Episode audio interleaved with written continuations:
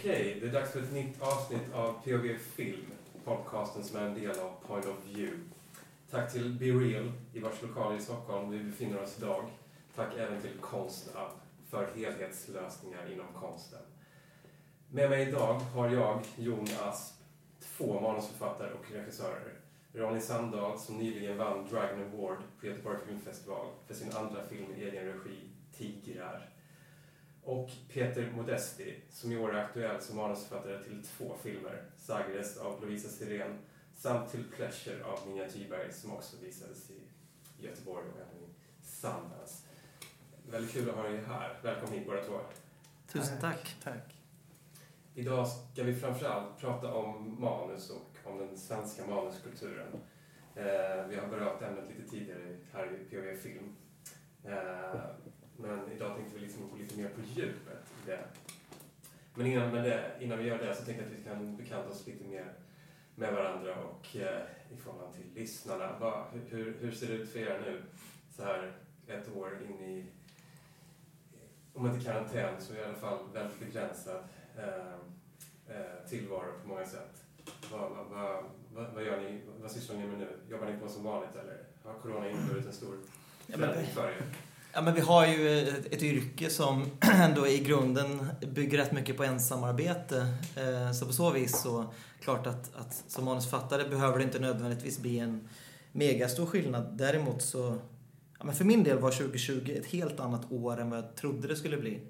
Eh, Dels i och med att Tigrar eh, skulle ha gått upp på hösten och istället nu har blivit framskjuten några gånger på grund av biosituationen på grund av covid. Eh, Och sen men sen också, jag skulle egentligen varit i USA och gjort en, en, en tv-serie som jag har jobbat med i några år. Eh, som, eh, där, där finansieringen eh, kollapsade eh, under coronavåren när den kanadensiska investeraren drog sig ur. Eh, så det ritade ju om hela mitt år. Jag skulle liksom varit, eh, ja, det var åtta, åtta amerikanska avsnitt som skulle göras och de rök. Eh, och på samma sätt som en annan film skulle spelas in under 2020. Så att det, det är ju en... eh, Det blir väldigt påverkat på så vis men samtidigt så skapar det massa utrymme för att tänka och skriva och skriva andra grejer. Eh, Och så här, det är också så vår verksamhet ser ut även när det inte är corona. Det är ju en, Mm. det finns ju en, en sårbarhet som manusförfattare i att grejer kan skita sig när hela ens arbete är gjort. Det, det gör ju vår position ganska unik i förhållande till andra yrkeskategorier som ofta kommer på när filmen ska göras, så att säga, eller serien. Mm.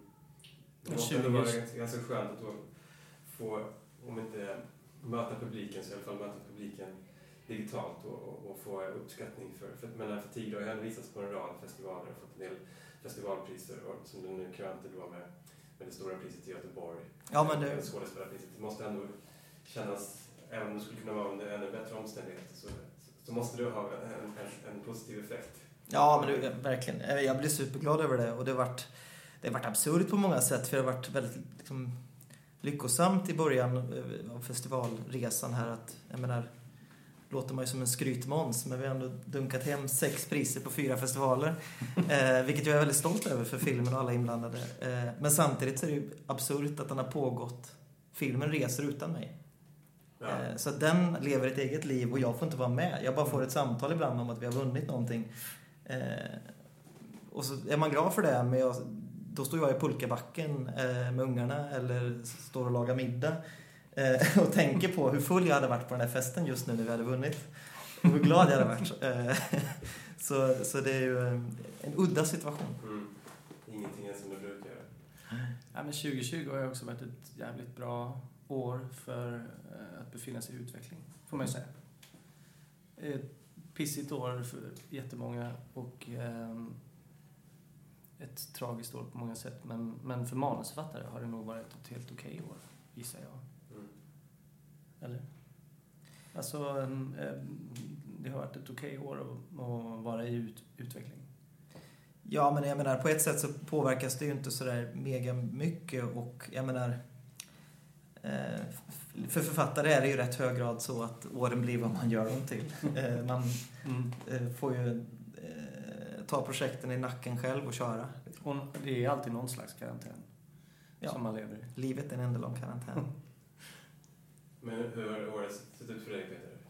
Eh, ja, men eh, extremt mycket jobb, skulle jag säga. Eh, jobbat hemma mycket och ehm, ja, men jobbmässigt eh, bara intensifierat. Mer av allt, skulle jag nästan säga. Mm. Mm.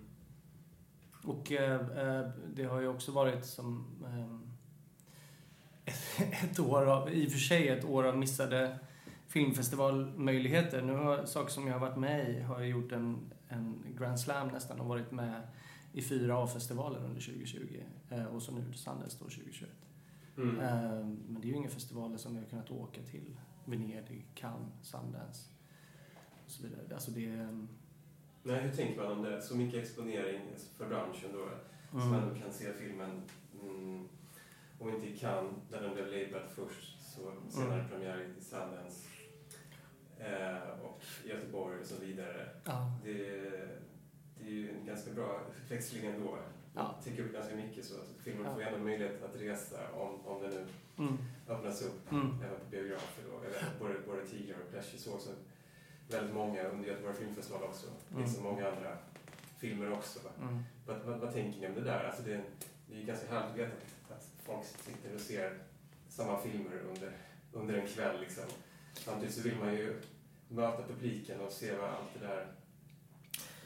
Ja. Men man får hoppas att, att eh, konsekvenserna av att många såg den och många gillar filmen leder till att, eh, många, att de kommer berätta om den för många andra människor som kommer vilja se den på bio sen.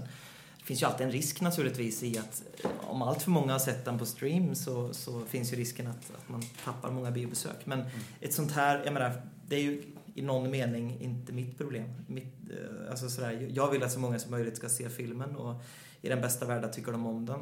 Eh, det är min prioritet. Jag, tycker mer, jag tänker att det är positivt, liksom, särskilt om folk gillar det de ser, vilket man eh, får anta då eftersom det är många som gillar filmen, eh, att där, filmen behöver inte vara en förlorare i sig. Däremot så tänker jag liksom att eh, det får inte bli något, här, även om vi kommer ur det här på en bra sida så får det inte bli ett permanent tillstånd så där, liksom att, att det blir för mycket virtuella festivaler så att man blir bekväm och, och hellre föredrar att se filmer hemma vid Mm. mm. och till Göteborg till exempel då i, i en vintrig februari när det är jättekallt. Liksom. Jag tror att biografen och festivalen kommer ha en mega revival efter det här. Eh, Jag tror att det kommer finnas ett, en stor längtan efter kollektiva upplevelser. Eh, Så, så i någon bemärkelse tror jag kanske att Corona har kom, kan komma att fungera som någon slags eh, startkabel för, för att återuppliva biografens status. Jag tror samtidigt att den har eh, det här året har påskyndat eh, lösningarna fram mot hybridlösningar. Mm. Eh, dessutom. Mm. Och ja, men jag kan tycka att svenska filmbranschen har varit ganska... När det kommer till biografen och så vidare. Eh, 10-talet har ju handlat väldigt mycket om att jaga nedladdare istället för att vara visionärer mot framtiden. Och för ett par år sedan så kom det en nyhet om att till exempel Amazon försöker köpa biografer i, i Kalifornien och så vidare. Jag tror att det är en, en tidsfråga innan vi har x antal hybridlösningar och då känns det helt självklart. Och Sverige ligger nog tyvärr ganska sent. Vi är ganska sena på bollen där tror jag. Ehm, Det kan jag tycka är ett tecken på en slags visionslöshet Mm. faktiskt. Ja, jag vill tycker du? och behålla de här långa fönstren som förvisso finns i många länder såklart. Men man kan gärna tänka att fler hybridlösningar skulle liksom Mm. elda på intresset på det för att se film på bio. Och nu var det en pandemi som, förlåt, ja, exakt, nu var det en pandemi som skyndade på och förkortade det här fönstret. Eh, Så jag tror på både det men också det Ronny säger att det är självklart att vi kommer vilja se saker eh, på bio. Vi Mm. längtar ju. Och när var- vi var på bio tillsammans med våra pojkar och såg den här italienska. Mm. Ja, men exakt. Sist jag var på bio tror jag. Ja. ja mina ungar är, är, pratar mycket om att de saknar bio. Ja. Och det är många som gör. Men innan vi kommer in på dagens tema, Mm. manus, så tänkte jag bara höra en kort framåt nu då. Ronny, du för de som inte vet det, du, du, du regidebuterade med svenska 2014. Så nu håller du på med en, en trilogi som, som började med att du skrev manus till Borg, Mm. eller hur? Och eh, Tigrar då som handlar om en eh, fotbollsspelare, en svensk fotbollsspelare som, som eh, åker till Inter för att prova lyckan där, baserat på Martin Bengtssons roman. Och tredje delen i den här trilogin då eh, är Perfect, som regisseras av Olivia Wilde senare i år, va? Eller? Exakt. Kan Ja. du, hur, hur, hur, ser det ut liksom? Hur påverkas ni av det som sker nu där? Ja, men den sköts ju upp i tid. Skulle ju spelats in i slutet av 2020. Eh, Perfect är en berättelse som utspelar sig i den eh, kvinnliga eh, elitgymnastiken. Eh, som är en amerikansk berättelse om två flickor i Team USA under eh, OS 96. Eh, så det är den liksom tredje delen då i den här aningen megalomana eh, trilogin om idrott och psykologi och prestation. Som började med Borg vs McEnroe som den ju egentligen heter, bara att i. Sverige strök de halva titeln.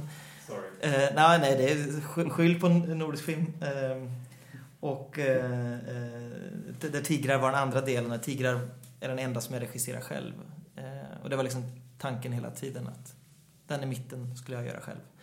Du är Eh. tidigt ute där, för särskilt nu så verkar det booma lite med den typen av filmer. Bara man såg till Göteborg Filmfestival nu senast så, så var det tre, fyra stycken just på, på det här elit, Mm. elitsportstemat och eh, Ja, men- runt kring det. Ja, men det är intressant. Jag menar, det, det, den idén till att göra de här tre filmerna uppstod ju någonstans i ett, eh, i ett vakuum av eh, att det inte fanns den sortens filmer och att jag tyckte att visst, det finns en jäkla massa filmer om idrott men det finns inga filmer som behandlar den miljön på ett intressant sätt och där man eh, verkligen tar fasta på vad som är så specifikt och brutalt och spännande och, och, och intressant med den miljön. Eh, så, det, så, så, eh, så det var min utgångspunkt någonstans. Och sen, sen är det klart, nu är jag superless på idrott. så, eh, och så blir det ju när man rik- riktar in sig på någonting i, i tre filmer. Eh, och slutar med att man blir erbjuden 400 filmer om baseball. Men så fungerar ju världen. Mm. Och Peter, du då? Vad är, Mm. planen framöver nu? När, jag menar, du har ju som sagt skrivit manus till, till Pleasure och eh, till Sagnes. Eh, men jag vet att du har egna projekt som du driver också, alltså som du vill regissera. Mm. Ja, alltså just nu så jobbar jag faktiskt... Eh, man kan väl säga så, eh, när jag skrev och regisserade 6A så... Eh, så kort, det som först var en kortfilm och som blev en långfilm som även visades i Berlin. ja, den, den fanns i två olika eh, versioner. Så det fanns en 60 minuter som var med i Berlin eh, och tävlade där som långfilm och så var det en 30 minuters kortfilm. Så det var inte så, dram, inte så dramatiskt stor skillnad egentligen. Men, men vi gjorde, vi klippte helt enkelt två versioner bara. Mm. Ehm, Men i och med den så, så har jag på något sätt blivit eh, någon som regissörer gärna vill jobba med som sin medförfattare. Och eh, väldigt många saker har initierats eh, den vägen. Ja, så just nu så jobbar jag väldigt mycket med andra regissörer. ehm, på tv-serier eller långfilm. Hur kommer det sig, tror du? Mm, jag tror att det är ganska naturligt. Det var, det var liksom en, en, en sexa av blev någonting som fick eh, lite cred eller status internt. Men det är liksom ingenting som når ut så stort. Så det är ganska naturligt att... Eh, plus att jag skrev, jag skrev ett manus Att som... man tar någon som har gjort någonting bra men som ändå inte har exponerats så mycket. Ja, men, som ja, men jag, jag tror att eh, den visade på eh, en, att jag är en regisserande manusförfattare framför allt. Både jag och Ronny är ju manusförfattare i grunden, Mm. som ibland regisserar. Ehm, och jag tror att den, liksom, den bygger på ett bra manus helt enkelt, den filmen. Eh, så det är väl ett bra calling card för, för att få manusförfattarjobb. Ehm, och sen så jobbar jag eh, till exempel med långfilm med Be Real här. Eh, som vi hoppas kunna spela in under det här året. Som regissör och manusförfattare. Men där skiljer ni er lite grann åt också i det här som du återkommande Peter jobbar Ja. tillsammans med andra manusförfattare. Medan du Ronny skriver själv genomgående va? Eller? Ja, det skulle jag är nog... traditionen som vi i Sverige har varit mer vana vid, alltså, så att säga, den här autörtraditionen. Ja, så jag skriver ju åt andra regissörer emellanåt. Eh, Då, då brukar jag vara ensamförfattare så att säga. Ja, Eh, precis. och, och, men, jag, men jag har ju absolut en, en... eh, Jag ser mig själv i första hand som manusförfattare. Och så, som Peter sa, jag, så, så regisserar jag emellanåt när, när filmen på något sätt behöver det. Eller liksom där jag är den, den bästa regissören för det. Försöker jag avgöra själv om eh, när jag ska göra det och inte. Men den stora delen av mitt yrkesliv är ju någonstans att skriva manus som andra regissörer eh, sen tar vidare. Mm. Men just den här eh, eh, distinktionen mellan autörkultur och samarbetskultur. Mm. Det var ju också Mm. en av de här punkterna som du Peter vid ett, vid ett PV Talks, alltså vid ett seminarium under Stockholm Filmfestival tidigare i höstas, Ja. eh, tog upp utifrån tio symptom som du framförde eh, mot bakgrund av Mm. att, att manuskulturen i Sverige är begränsad på många sätt. Liksom. Jag skulle säga att vi har ingen manuskultur.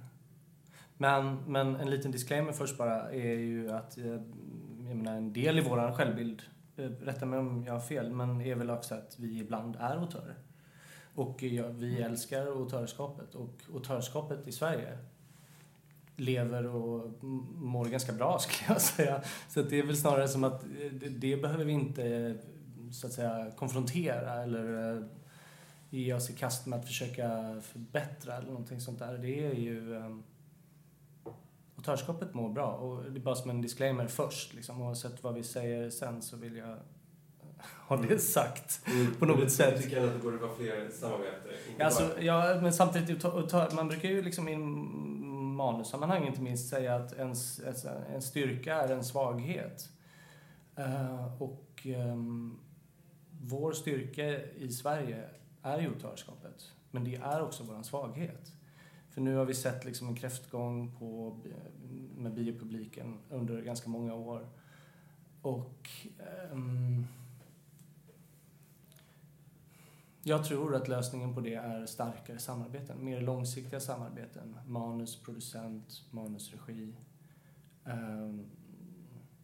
Och, jag, jag- och i det där kan jag väl också då tillägga att jag tror också att det finns ett, ett eh, liksom en åtgärd där som måste till som är att, att uppvärdera manusförfattarens roll. Och då menar jag inte bara utifrån ett, ett producent eller regiperspektiv utan också från manusförfattaren själv. Att tillmäta sig det värdet.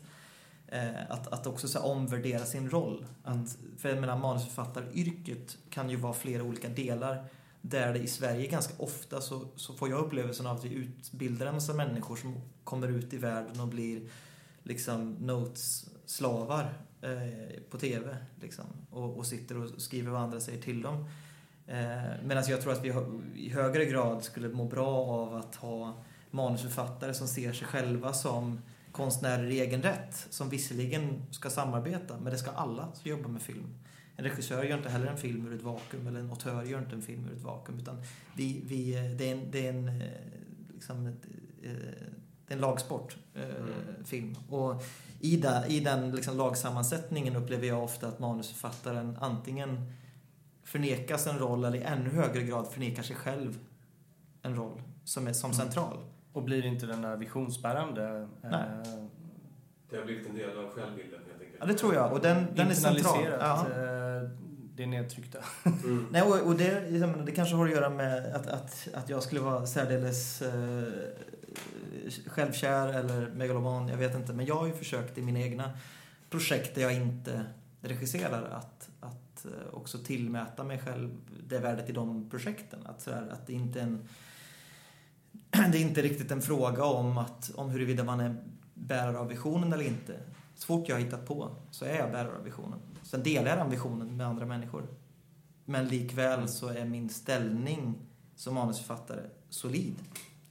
I, i någon bemärkelse så, så, så finns det ju den här som, som manusförfattare gärna säger utanför micken men sällan när micken är påslagen. Som ändå är sann, som är att i någon bemärkelse är, är alla andra utbytbara. Utom den som har hittat på det. För utan den som hittat på det så finns det ingenting. Eh, och när man väl har hittat på det så kan alla andra bytas ut. Eh, och det tycker jag fler manusförfattare borde förhålla sig till. Att A. Hitta på det. B. Inse att det viktigaste som har hänt i det här är att hitta på det. Sen, kommer, sen måste du samarbeta med en massa människor för att kunna göra en film. Mm. Men utan att hitta på det finns ingenting. Men det är intressant det du säger, för att jag kommer ihåg Peter, vid det här samtalet i höstas så, så nämnde du det utifrån ett mindre urval som du hade Mm. sett på svenska film helt nyligen. Där Mm. du tyckte att det var top notch på, på, på i stort sett alla element. På Mm. scenografi, på skådespelare, ja, flera av hantverken. Mm. Förutom att Regi, foto var, och så vidare. Ja. Precis, förutom Ja. att manuset var påfallande eh, Ja, begränsat. jo, jag, jag, jag tycker nog det. Alltså det är inte en... Varför har det blivit så här? Jag menar, den här diskussionen förekom ju även i USA och häromveckan var det ett upprop i, i franska Le Monde med, med, med, med manusförfattare som, som beskrev just det här som du beskrev nu. då, Mm. Liksom där, där man har liksom pådyvlats massa arbete men man har inte ser kunnat höja sin status för det. ser fortfarande fram emot svenska manusförfattarnas upprop faktiskt. Ehm, Men, men... Ja, vad ska man Ja, men det finns ju, jag tänker också att det finns ett eget ansvar i det där som, som har att göra med synen på sitt eget arbete. Ser man sig som någon som eh, finns där som en, en liten kugge i ett maskineri som ska göra vad folk säger till en? Eller ser man sig som någon som är bärare av en röst, bärare av en vision, bärare av en berättelse som man har hittat på och som man ska få ut i världen? Mm. Alltså jag tänker att det finns eh, det är klart att, att, eh, att det blir svaga manus om självbilden är svag kring hur det ska komma fram. Alltså, Mm. eh, och sen tycker jag, jag menar vi har emellanåt utmärkta manus, ganska ofta i autörfilmer. Mm. Eh, och där har vi ju en lite annan kultur än om man säger Danmark eller Norge till exempel, om man ska ta närliggande exempel där vi ju flera av de mest framgångsrika filmerna även, inte bara kommersiellt, för vad gäller kommersiellt finns det ju en, en där finns det ju en tydlig linje av att det är samarbeten mellan eh, manusförfattare och regissör som får större publik generellt sett. Eh, Och förlåt, och också ligger som en nyckel till det vi kallar för, eh, vad ska man kalla det, mellanfilm eller eh, kvalitativ underhållningsfilm. Mm. Eller, eh, Alltså, Ja men verkligen. Och- Men som sen tycker jag att det ja. finns en, även vad gäller konstnärligt stark film, eh, som visserligen inte är en motsättning, men om man tänker eh, Joakim Triers eh, eh, filmer till exempel, där ju Eskil Vogt är, är helt central för dem som manusförfattare. Eh, sen har han en egen regikarriär emellanåt. Eh, Mm.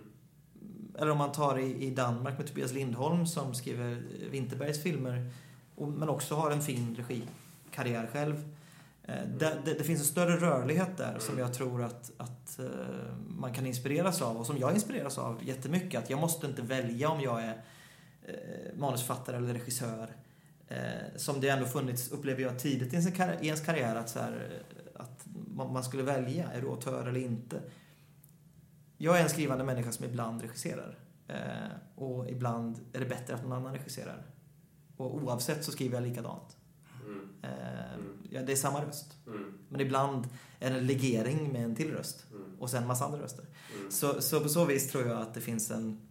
Eh, jag, jag tror att vi är lite låsta i den styrkan då som, som du påpekar, Mm. som är autorskapet. Men vad tror ni att det, att det beror på? För det är ett väldigt bra exempel du nämner här just med, med Joakim Trier. Han känns i hög grad som en, en autör. Hans filmer känns som autörfilmer. Men som du säger så är Eskil Vogt, om inte den drivande så åtminstone minst lika drivande i, i manusprocessen. Mm. Och Danmark är ett återkommande exempel på där det här kollegiala kommer Mm. fram mer. Mm. Och varför, Alltså- saknas alltså det, varför saknas det i Sverige? Det är extremt svårt eh, att peka på en sak och säga att det beror bara på det. Det beror inte bara på autörskapet eller det beror inte bara på att de träffas på filmskolan eller var de nu träffas och så vidare. Utan det, jag tror att det är ett, ett, ett Ja, men system av... takhöjd Ja. men jag tror att det är ett system, vi funkar i ett system i Sverige där vi inte lever i en manuskultur. Det tror jag är det första man, alltså det är en slags krisinsikt man behöver ha. Mm. Sen så kan man börja prata om liksom, massvis av saker kring det. Mm. Ehm, Men kan inte, du, kan inte du nämna några av de här symptomen som du tog upp där för det- samtalet i höstas? För jag tror inte att alla har hört det. Ja, men vi, Eh, jag, kan vi kan ju ta några, några exempel. Ehm, Och du vill kalla dem budord istället? Exakt. Nej, men alltså det är väl viktigt att understryka att det här var ju liksom som notes inför, inför, inför det samtalet. Mm. Och eh, eh, kanske bara liksom en utgångspunkt eh, för diskussion och så vidare. Släng upp dem så skjuter ja, vi ner dem. Ja, fan okej då. Eh, nej men jag tycker att det första symptomet eh, på att vi inte har någon manuskultur är att eh, diskussionen om manus har ju liksom varit helt frånvarande även i krissamtalet.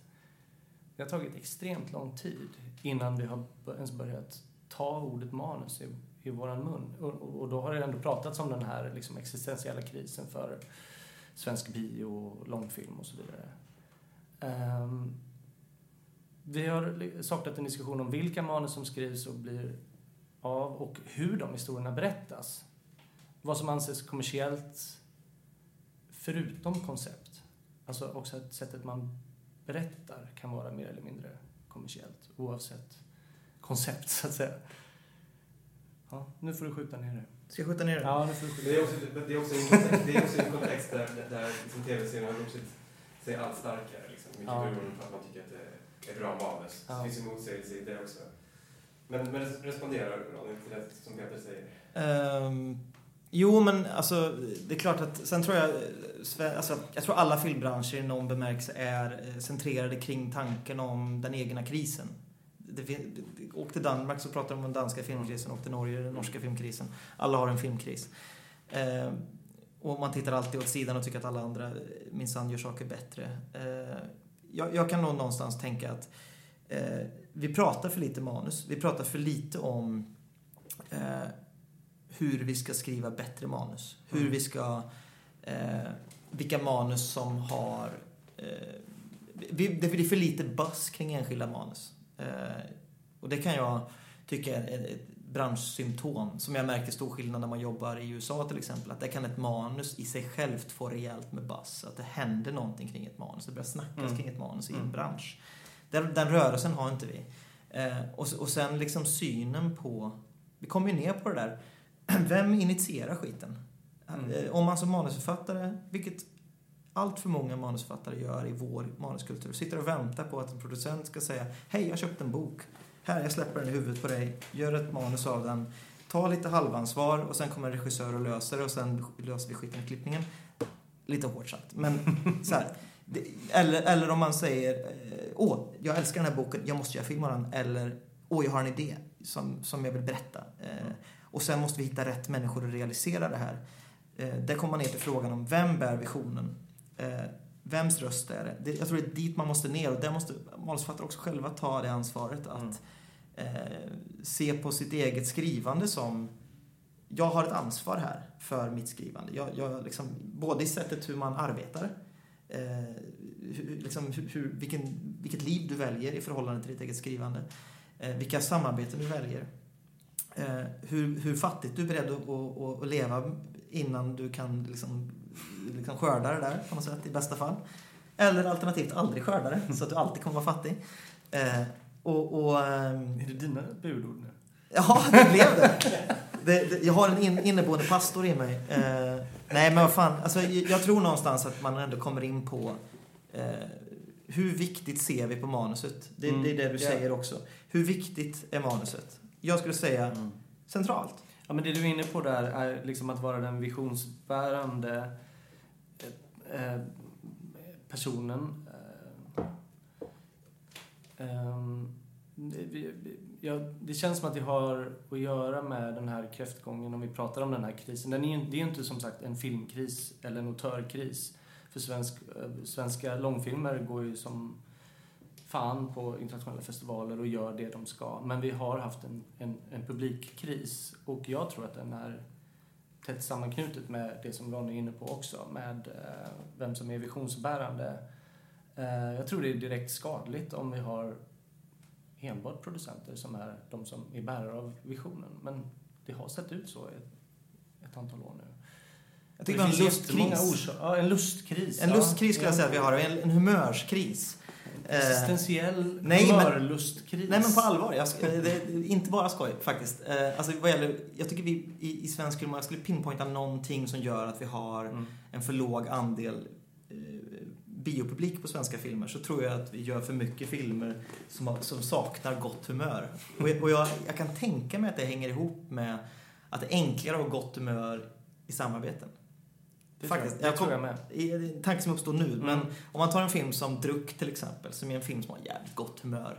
Den, den berör ett ämne som i, i, i grunden är eh, allvarligt eh, med alkoholism och sådär.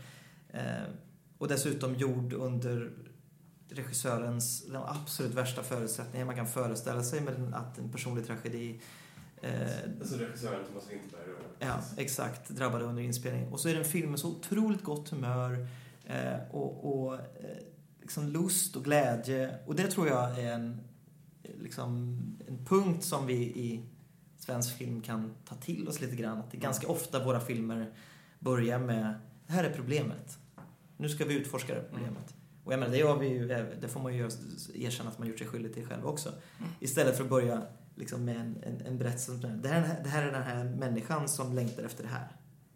Eh, Det är två olika förhållningssätt till film Mm. där vi har haft en kanske aningen duktig filmkultur som, som har eh, eventuellt med vårt stödsystem att göra, eventuellt med vår kultur att göra. Mm. Eh, nu glider jag kanske bort från manuskultur här, men jag tror mer folk som sitter och Nej, säger alltså det är- fula ord i ett rum och, och har skoj kan vara bra. Det, det, det är lättare att göra det och luta sig och ha självförtroende och luta sig tillbaka om man också har en kunskapskultur och en, mm, vad ska man säga, en merito, meritokratisk manuskultur. Ja.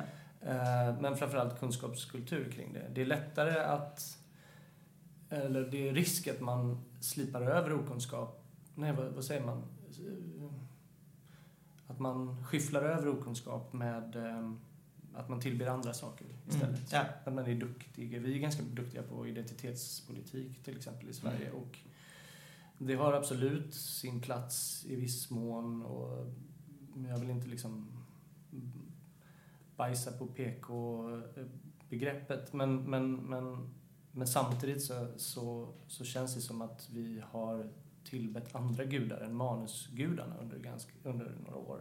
Mm. När det kommer till den breda underhållningsfilmen åtminstone. Men menar du då att, liksom att man gömmer sig lite bakom Ja, vi... vi, vi för att mm, ja, alltså... man saknar kunskap om, om det mer...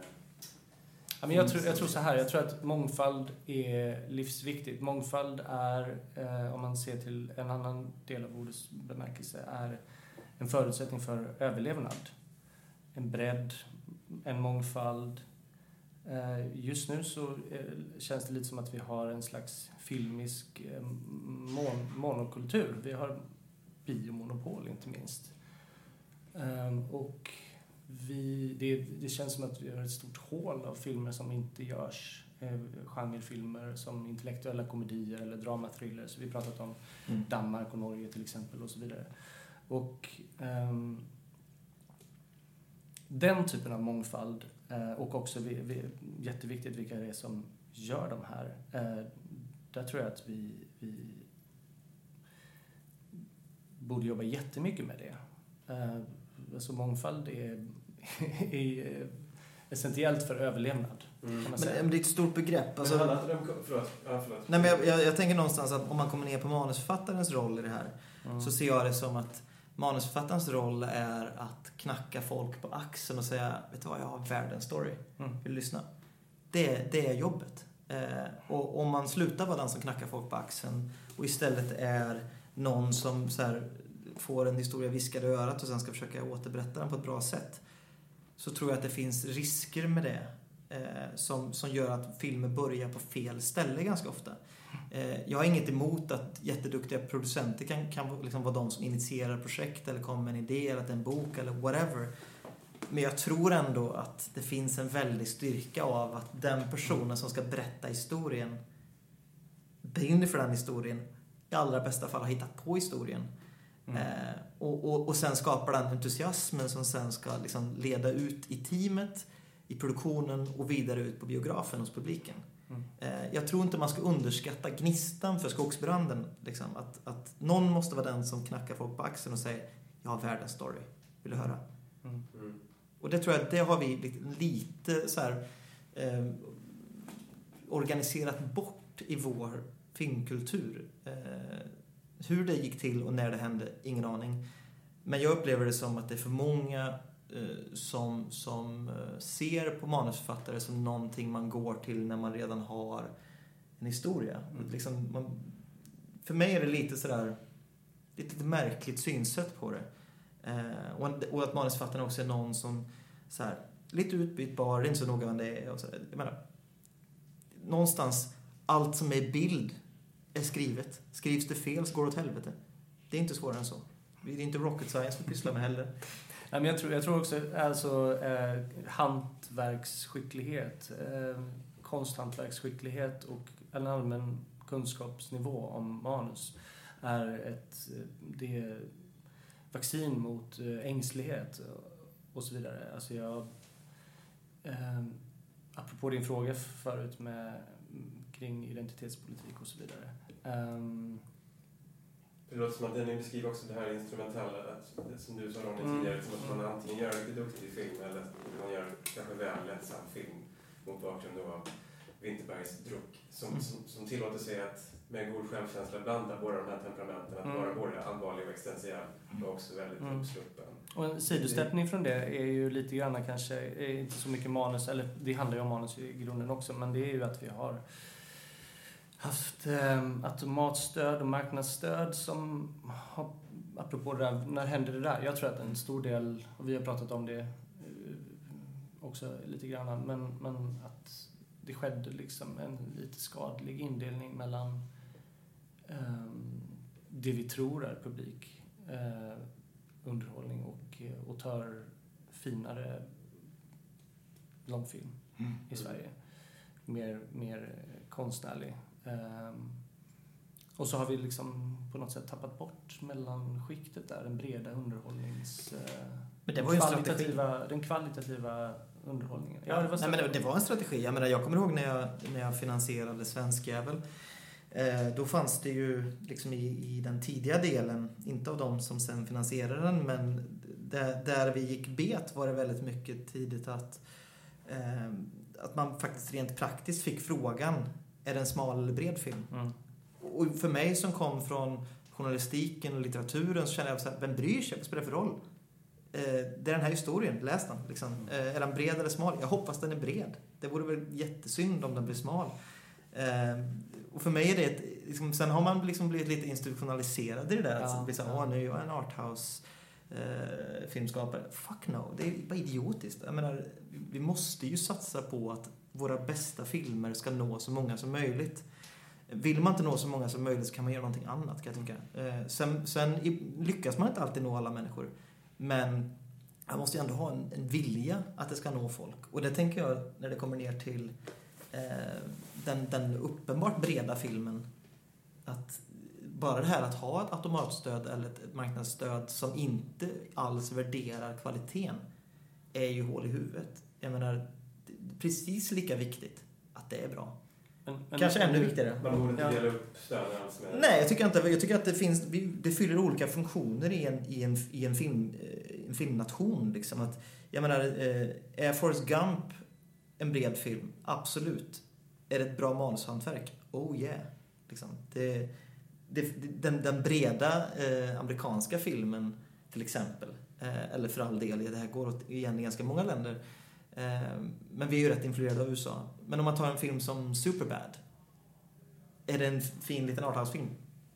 Nej, det är det inte. Är det ett fantastiskt manus? Absolut. Mm. Mm. Och de exemplen saknar vi i hög grad ja. i svensk film. Verkligen. Och jag vet inte ens om det är att det inte skulle gå att finansiera dem eller... Jag tror att det i rätt hög grad har att göra med syn, den upp, uppdelningen på fint och fult och att man ska välja läger lite väl tidigt. Eh, där har jag väl jag för egen del försökt att göra, liksom, jag försöker undvika att tänka så. Om man tar eh, speciellt, man tar Borg vs McEnroe till exempel som i Sverige är en bred film. I resten av världen går den på arthouse-biografer. Eh, och det, det är liksom, och har liksom en, en smalare distribution. Men Eh, här skulle den vara en jättebred film. Och då behöver den ju ha både ett tilltal som ska locka folk att hänga med i berättelsen. Eh, men den har också en massa små quirks och märkligheter och, och, och, förhoppningsvis lite insikter om det mänskliga psyket. Eller i alla fall försök till mm. En ambition till det. Ambition är väl någonstans det vi talar om. För resultat kan vi aldrig göra så mycket mm. åt på det här stadiet. Vi måste prata om ambitionen. Eh, och om ambitionen är att knacka någon på axeln och säga nu ska jag berätta en historia för dig. Slå dig ner Eh, då tror jag man måste värdera manusförfattarens roll i det som ganska centralt. Mm, för det ni upplever idag är delvis liksom då att svensk film, att istället för att man söker liksom originalberättelse hos talangfulla manusförfattare så är det i hög grad liksom filmbolagschefer som, som hittar en, en bra förlaga som man sen söker, söker Mm. pengar på. Och det behöver inte vara, som du är inne på också Ronny, det behöver inte vara fel. Alltså det eh, har gjorts jättemånga bra filmer på det sättet Men också. få Men vi behöver, den an- vi behöver fler manusfattare som äger det från första början oavsett om det är en adaption eller inte. Eh, Mm. Vi har inte en, vi, vi har inte en så att säga jämställd relation till de andra i den så kallade gyllene triangeln mellan producent och regissör och så vidare.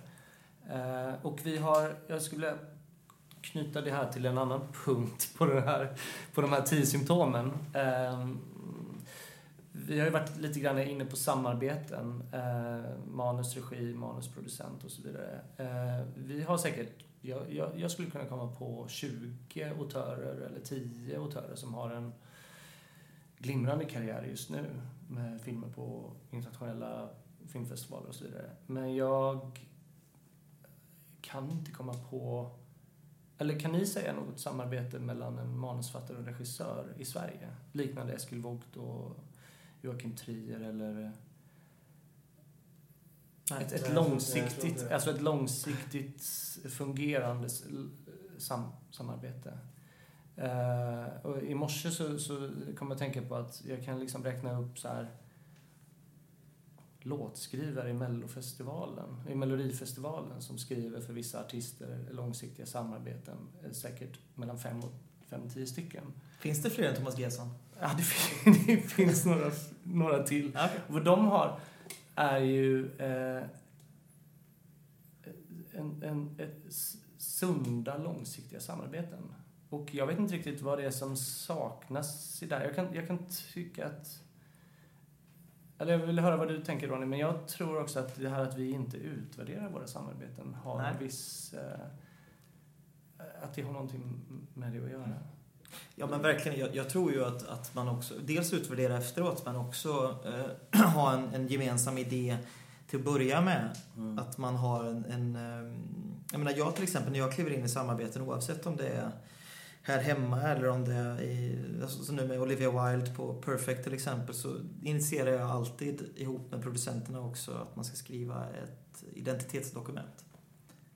Vad är det här? Mm. Varför gör vi det? Vem ska det nå? Vad är den personliga ingången? Vad är orsaken till att jag vill göra det här? Alltså massa sådana punkter som, där man bara lägger grejer på bordet och i, i bästa fall en liten del av hjärtat på bordet och säger jag vill göra det här för att vinna en Oscar. Liksom, om någon nu, om det är orsaken. Eller om någon lägger och säger jag vill berätta det här för att jag kommer att tänka på min mamma när jag läste det här. Eh, eller vad det nu än månde vara. Eh, drivkrafter och orsaker tror jag är jättebra att lägga upp först tillsammans så att man verkligen vet varför man ska jobba ihop med någonting, med en specifik berättelse. Och sen som du säger, utvärdera det efteråt. Eh, Men, men sen när det kommer till liksom hela eh, liksom frågan om vad, vad man kan göra för att liksom stärka manusförfattarna i idén om eh, liksom, alltså hur man ska stärka manusförfattarnas ställning i idéskapandet. Alltså vem som initierar Mm. projekt. Mm. För det är ganska viktigt. Om du inte initierat ett projekt som manusförfattare så står du väldigt svag. Mm. Eh, och där tror jag ju att det är en kombination av, nu har inte jag utbildat mig, så jag vet inte hur utbildningarna är. Men om jag fick se en utbildning i mitt huvud som fungerar väl och som får fram väldigt starka manusförfattare så tror jag den ställer väldigt höga krav.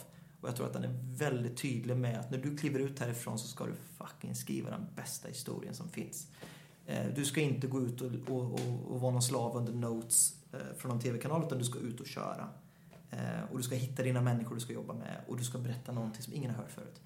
Eh, Jag tror man måste vara så, liksom våga vara löjlig i det där. Och du ska ta ditt yrke på så enormt stort allvar. Och det hela ditt liv ska gå ut på att eh, liksom, när du inte skriver så förbereder du dig för att skriva. Så ser ditt liv ut. Jag tror man måste förhålla sig som en liksom, Elit. Ja, elit, elitidrottsman är det.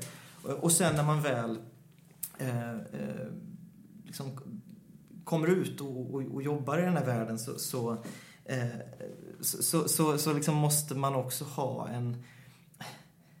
Om man har med sig det självförtroendet i ryggen från en utbildning eller från när man har liksom skapats som manusförfattare, eh, oavsett hur man skapas, så, så tror jag att man står starkare i relation till producent och regissör. Vilket inte handlar om att ta makt från någon. Det handlar om att ta sin plats och visa, jag tar ansvar för en berättelse här. Vilket i sin tur, tror jag, borde leda till att eh, SFI borde ha mycket fler riktade stöd mot manusförfattare. Det borde inte alls vara att man ska gå till, en, till ett bolag och säga hej, här är min idé, kan vi söka pengar tillsammans? Utan det ska vara, här kommer manusförfattare, eh, liksom Lotta eller Kalle, eh, som har en idé. Låt dem köra en bra bit alltså. Vad starka de kommer stå i förhållande till producent eller regissör. Och vad bra det kommer vara för alla inblandade. Mm. Alltså, för mig är det obegripligt att man har det systemet som man har idag. Jag nämnde de här grejerna på, eh, på Sita, på den här visionsdebatten. Eh, med punkterna den autonoma manusförfattaren är svag. Eller punkten det ställs inte tillräckliga krav på manusförfattarna. Alltså att jag efterlyste mer tough love, helt enkelt. Och bra notes i så fall. Ja. Jag menar, det är ju en Ja, men det, då, då, då kommer vi in på att det krävs att det finns en allmänt hög kulturell manus, kulturell kunskapsnivå mm. kring manus. Att vi då inte ska, bara leva, i en, vi ska leva i en manuskultur. Ja. Och det är, ju, det, är ju, det är ju det vi inte gör. Och det handlar ju inte bara om att man ska skriva längre tid eller lägga mer tid på manus. För det tror jag inte är det som är ja. lösningen heller. Bättre. Ja, men hur upplever ni, ni nämner ju nu liksom, alltså behovet av större identitetsskapande, bristen på utvärdering. Men hur upplever liksom ni feedbacken som ni får när, när ni, mm. när ni ansöker? Så här, men SVT gick ut häromåret med, med en ny satsning på originalberättelser. Mm. Det är bra. Där ni, mm. i alla fall du Ron, är mm. en del av också. Eh, ja, vi är tillsammans. Är det ett bra projekt? Ibland får man liksom känslan av att, om jag var inne och läste på BBC har något liknande som de har haft under flera år, liksom, eh, som kallas Drama Room. Eh, som är också en liknande satsning på, på eh, om inte unga så i alla fall eh, manusförfattare i början av karriären. Mm. Det handlar, där får man väldigt mycket intrycket av att de, det handlar inte bara om ett projekt i sig utan de ska verkligen, som, som du nämnde här, liksom, mm. utbilda liksom, manusförfattaren i sig. Eh, få den personen liksom, att veta varför mm. han sysslar med det han gör, eller hon. Mm. Eh, men, eh, men, eh, vilket man kan sakna lite grann eh, när, när man tänker på många svenska talanger Ja, men jag vet inte heller om det, det känns som att många talangprojekt blir lite sådär talangtävlingar också. Alltså att det, jag kan tycka att man behöver omstrukturera liksom hela grundsystemet för eh, hur stöd ges. Varför det nödvändigtvis måste börja en viss ände. Eh, varför det måste börja hos en producent till exempel. Jag, jag ser inte helt rimligheten i det. Eh, jag ser en enorm rimlighet i att producenten kommer in kort efteråt för att vara den som liksom mm. bär det, det liksom genom att, till att bli av. Men, men det är ändå sett till vision och för att uppmuntra en, en, en, eh, en högre manuskultur så tycker jag att man skulle ha inte bara så enskilda satsningar utan att du kan lika väl som du kommer med en producent så kan du komma ensam till att börja med, kan jag tycka. Så du tycker liksom att producenten har för stark roll i det här stora systemet? Ja. Som har. För det ofta är det till och med så att man måste ha gjort ett par, någon film tidigare för att ens få ansöka. Liksom, vilket ytterligare liksom, försvårar för, mm. för nya aktörer. Alltså, mm. eh, jag har sökt och fått den typen av, eh, jag vill inte kalla det växthusstöd, vad kallas det? Um, Slate-stöd av SFI. Mm. SFI har det till manusförfattare. En väldigt liten peng. Ett, ett tips till alla manusförfattarna, sök nu. Mm. Ett slags utvecklingsstöd? Ja, där man kan söka med några idéer som man vill få tid att vattna på. Mm. Men apropå den här eh, långfilmssatsningen som SVT har, den är ju då för att främja originalberättelser. Och det är ju jättebra att den har ja, kommit. Det är en svinbra, viktig satsning. Eh, jag är osäker på hur mycket, så att säga, i, i, i stil med den här BBC eh, Writers Room-grejen. Jag är osäker på hur mycket som kommer vara, så att säga, alltså mm, utbildning är fel ord, men fortbildning eller så att vi kommer införlivas med träffar och så vidare, så som det var i den här länken som mm. du skickade med BBC Writers Room. Det är det väl inte riktigt i, i den satsningen. Nej, och jag menar... Jag, Det är också jag, ganska etablerade personer. Du är Ja. en av dem som valts ut från. Jag genomgående så är det väldigt eh, bekräftade namn redan. Som ja, och det där var väl ingen talangsatsning heller, utan det var väl liksom just originalberättelser. Och, och samtidigt så, så kan jag tycka att det finns någonting så här otroligt svenskt i att vi, vi ständigt, även här, liksom fastnar väldigt mycket i en tanke om att det är ett visst eh, stödsystem, eller jag menar, jag sa det just själv liksom. Eh, Det, det, det här att det, finns, att det ska finnas en politisk eller liksom en organisatorisk lösning på det. Jag tror ju också väldigt mycket på det som du har varit inne på, mycket med mentorskap och sådär. Att Mm. en, en, en, liksom liten flock av människor som eh, bestämmer sig för någonting kan i ett litet land göra väldigt stor skillnad. Jag tror att det är i hög grad det vi har sett i, i Danmark. Mm. Att det är Eh, den liksom generationen, eh, som hela Dogma-generationen och hur den präglat det danska filmsystemet. Det liksom börjar inte i systemet, det börjar i, i kreatörer. Mm. och, och att de författarna och de regissörerna och de producenterna bestämde sig för att jobba på ett annat sätt och, och ha en annan, ett annat förhållningssätt till sina yrken. Och jag tror att det kanske måste börja tidigare än att det är enskilda eh, satsningar eller stöd. Så, så jag menar, man kan ha hur många satsningar som helst. Kommer det inte in några bra historier så, eh, så spelar det ingen roll. Så det är den i hög grad i Sverige har det också varit under 2000-talet att många originalberättelser har tagit sig fram utan att ha fått SFI-stöd eller möjligen i efterhand som Mm. Rowan Kings Darling och Moster Git till exempel och, och flera festivalfilmer som Farväl Falkenberg som stöd Mm. först i efterhand och sånt där. Det är väl i och för sig typ de tre, men Jag tror det finns fler, men hur som helst. Det, det är ju, ja, det finns ju flera aspekter av det hela. Alltså, Mm. men vi, har ju en otroligt stark eh, festivalnärvaro får man säga. Liksom.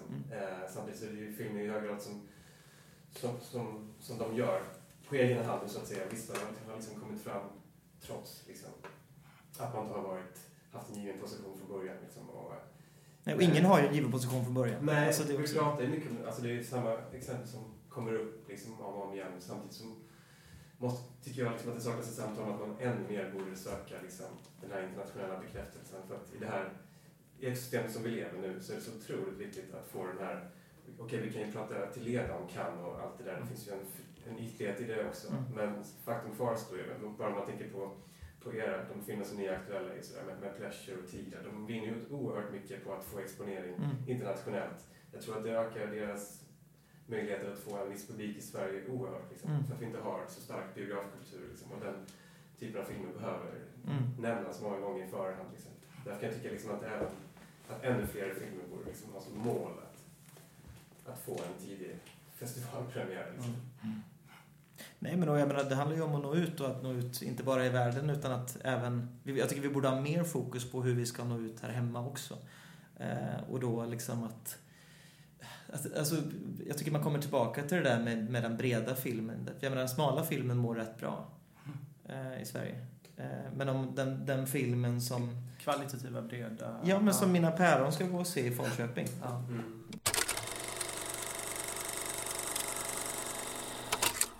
Men du var inne på det här med mentorer förut och jag eh, tog upp det också i de här tio symptomen på att vi inte har någon manuskultur. Alltså, eh, en fråga hur vi ska kunna ha experter på manus utan, utan mentorer. Det är svårt. Det blir väldigt svårt att, att eh, på något sätt levla i sitt eget skrivande eh, och så här, tillämpa någon form av tough love på sig själv om, mm, om man inte har bra mentorskap eller någon att liksom gå till eller utvärdera sig själv mot och så vidare. Ja, men verkligen. Vi, eller jag i alla fall, har lyckats omsätta vänner till ett slags mentorskap. Vänners synpunkter på ens manus. Ja. Men du börjar tröttna nu eller? Va- Vad sa du? Du börjar tröttna nu. Nej men alltså det, det, är ju, det är ju en väg man kan Mm. ha. Men, men samtidigt så kom jag till en punkt för ett par år sedan när liksom viljan att bli bättre och jobba hårt med manus, att få manusen att bli bättre och att bli bättre som manusfattare. Att levla så att säga, det... ehm, jag kom till en punkt där jag liksom... eh, inte stagnerade, men där jag kände som att jag vet att jag vill bli bättre och att jag måste jobba mer med de här grejerna. Men man, är, man kan vara ganska ensam i det där. Och eh, det är inte alla som omger sig med vänner och man kan omsätta deras liksom, feedback och, och vänskap till ett slags mentorskap. Det, det, då måste man ha de vännerna. Och det tror jag är väldigt viktigt för den, så att säga, skapandet av en manuskultur. Då. Mm. Jag tänker också mycket utifrån det som ni har pratat om här genomgående, just alltså, att få upp den här självbilden. Liksom. Du måste Mm. ju också Mm. professionalisera liksom, alla de här olika momenten. Ja, som, som att vi, vi, vi, nu har vi inte stampat så mycket på manusfattare, men, men det vi, vi pratar om manus som en problem, som ett stort problem och eh, i viss mån som en lösning också. Men, men jag kan inte se att det är manusförfattarnas fel att de inte är bättre, eller att de inte kommer med bättre idéer, som vi sa. Jag kan inte se att det är... Ja, Alltså, ah, ni Ni vet kan, fan. se, ni kan se att man liksom blivit hämmad av den här, det som ni nämnde som instru- instrumentell miljö lite grann. Liksom, Ja, men Fast man har ett eget ansvar. På mentorskap, man har ett eget ansvar, Ah. absolut, men bristen på mentorskap i en sån miljö. Ja, men då får man skaffa sig mentorskap. Alltså, Ja, men precis. Men alltså, vem- det- vem ska man gå till? Ja, det, man får börja titta på film till att börja med eh, och, och, och lära sig av de filmer man tittar på. Alltså, vi- på något sätt ska jag tycka att vi har, vi har en lite curlad miljö och att det finns en... Alltså jag tror ju jag tror ju att lösningen i väldigt hög grad är mentorskap fast på två olika sätt. Det ena mentorskapet är naturligtvis att de som utbildas formellt till manusförfattare eh, de behöver ha lärare som, som pressar livet ur dem och eh, får fram liksom, väldigt starka autonoma röster. Mm. Det tror jag är, är nummer ett. Och nummer två är ett annat sorts men- mentorskap som är det du är inne på nu som egentligen Alltså egentligen skulle man, alltså som är grupperingar Mm. eh, som pressar varann. Eh, och, och jag menar, jag, jag kan ju tycka att, att det vore fint om vi i Sverige skulle ha en, ja, men en slags klustersmitta av högfärd eh, bland svenska manusfattare. Eh, och att man tillsammans börjar ta plats. Eh, och, att, och jag försöker göra mitt på den fronten. Att, att liksom, I de projekt jag inte regisserar, jag står inte tillbaka. Jag, är- jag är en del av dem, jag har hittat på dem. Eh, och, och det märks. Sen gör jag även rent konkret i att jag har alltid i mina kontrakt att regissörens namn får aldrig vara större än mitt på, på manus, eller på, på affischen. Vilket ju kan framstå som superlöjligt och är löjligt. Men det är också en markering som är att jag har hittat på det här, jag är viktig i det här. Mm. Att de här små delarna adderar upp någonting som får stor betydelse ändå, som man ska undervärdera med det. Ja, men det, det är en pytteliten detalj som, som, som bara är att man visar att manusfattaren är viktig. Mm. Och där, där tycker jag det finns en kollektiv kamp att ta i, i det egna, så att säga. Att eh, om jag tjafsar om de här sakerna så kan andra göra det och att det finns en, och det vet jag att det finns andra som gör också, att man, och vi kanske ska prata ihop oss mer om hur man tar plats i det där och att, att det blir enklare att ta plats om andra gör det också. Eh, och, att, och, och tar man plats så, så handlar det också om, då blir ansvaret mycket större. Mm. Ens arsle är mycket mer on the line om man har sagt nu har jag en berättelse att berätta, lyssna. Om man, om man börjar harkla sig i den här folksamlingen och säger jag har något viktigt här, eller något spännande, eller något kul. Eh, då måste det vara bättre. Alltså för man kan inte gömma sig då bakom att ja, ja, nej, men det var någon regissör som kom in och det, sen blir det inget bra. Och så. Det kan hända, men likväl ansvaret ligger också på författaren. Ett stort, en stor del av ansvaret ska ligga där.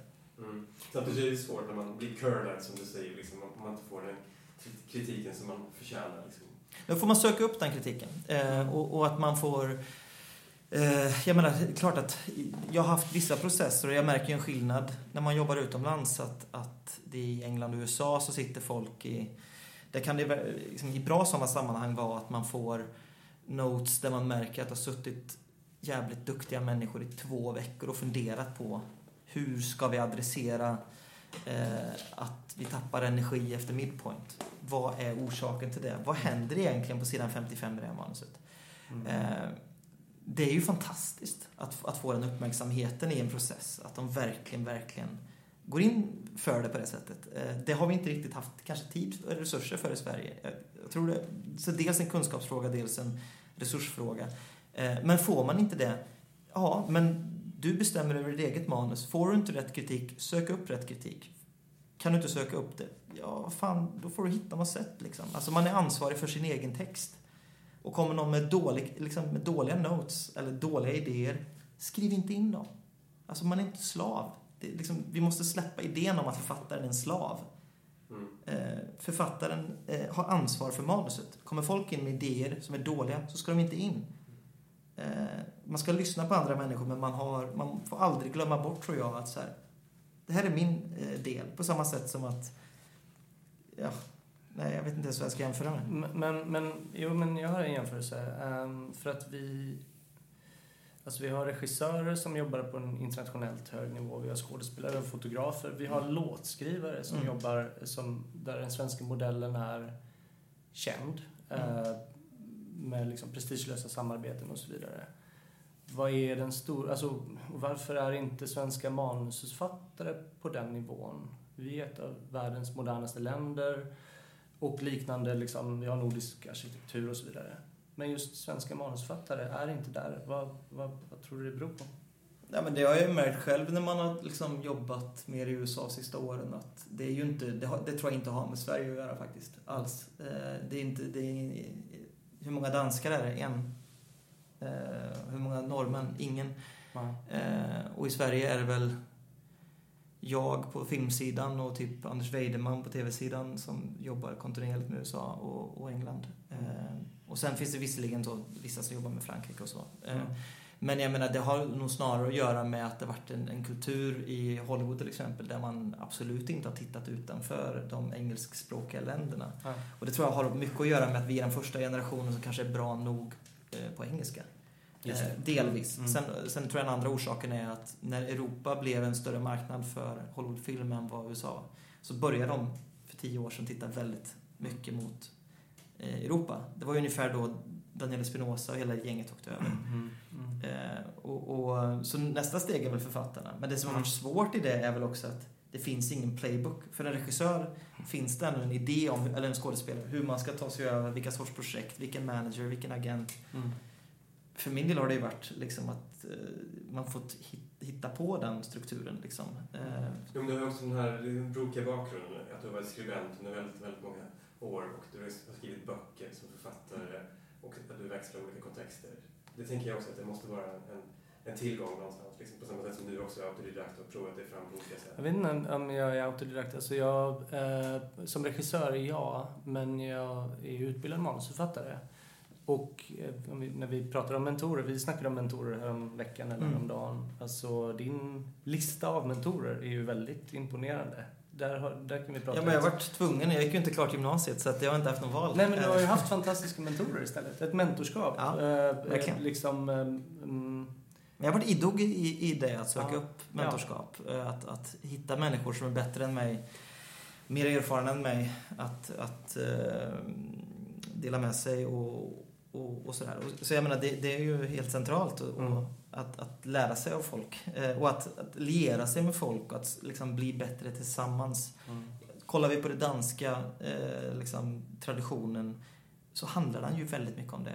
Jag menar på Mm. samma sätt som att så här, eh, i, i, i en småstad så kan det vara eh, i en specifik årskull i ett fotbollslag att alla gör en klassresa. Eh, och då är det ju för att de lärde sig någonting inom den gruppen Mm. av människor. Och sen är det ingen, in, inte en människa till i, i samma årskurs till exempel som flyttar från Falköping. Alltså nu pratar om, vad sa du, kluster... eh, Kluster av kunskap- högfärd. Kluster av högfärd eller kunskaps... Alltså att man är en, en hög... En, man blir en, en kultur, en gemensam kultur. Ja, Man, Och hur man ser på en prestation. hög kunskapskultur liksom. Ja, vilka krav man ställer på varann. Du vet ju, du- jag menar, jag ställer ju svinhöga krav på dig när du kommer med ett manus till mig och så. Mm. Och, och det, det Ja, men det är tough också. love. Det är tough love. Ja, men det, jag tänker att man måste ha utgångspunkten att det ska bli Mm. fantastiskt. Annars kan man inte pyssla med det här. Är man inne i, i det här för att ha ett uppehälle, ah, då finns det fan bättre sätt att, att, att, att ha ett uppehälle alltså. Men jag kom till någon form av aha-insikt för eh, något år sedan eller två.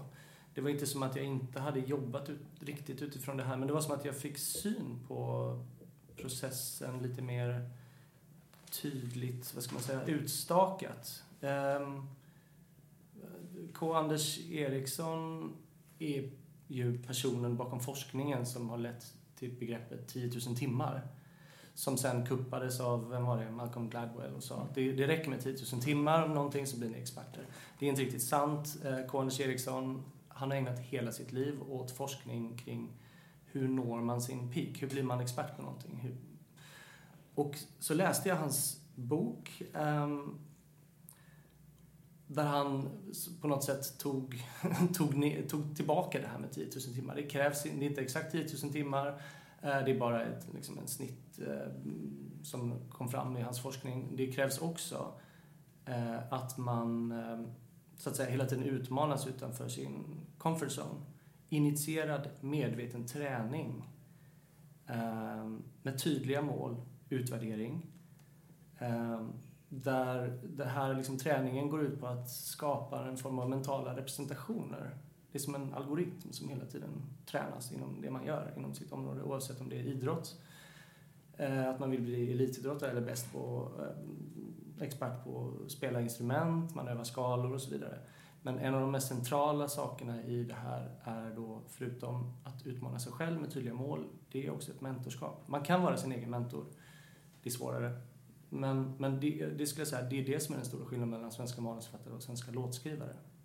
Det där mentorskapet ja, men, det går, men det går att skapa sig delar av det där mentorskapet själv, tror ja, jag. men säg det. Ja, ja, men, det, och det, går alltså, det, är det, vi tvingas, det är ju det vi har tvingats göra. Ja, men också att det finns en, en ehm, jag menar, ta bara idag jämfört med för tio år sedan finns det hur mycket som helst i, om man tar Screenwriters Lecture till exempel som Bafta har, mm. där världens bästa manusförfattare pratar om deras process.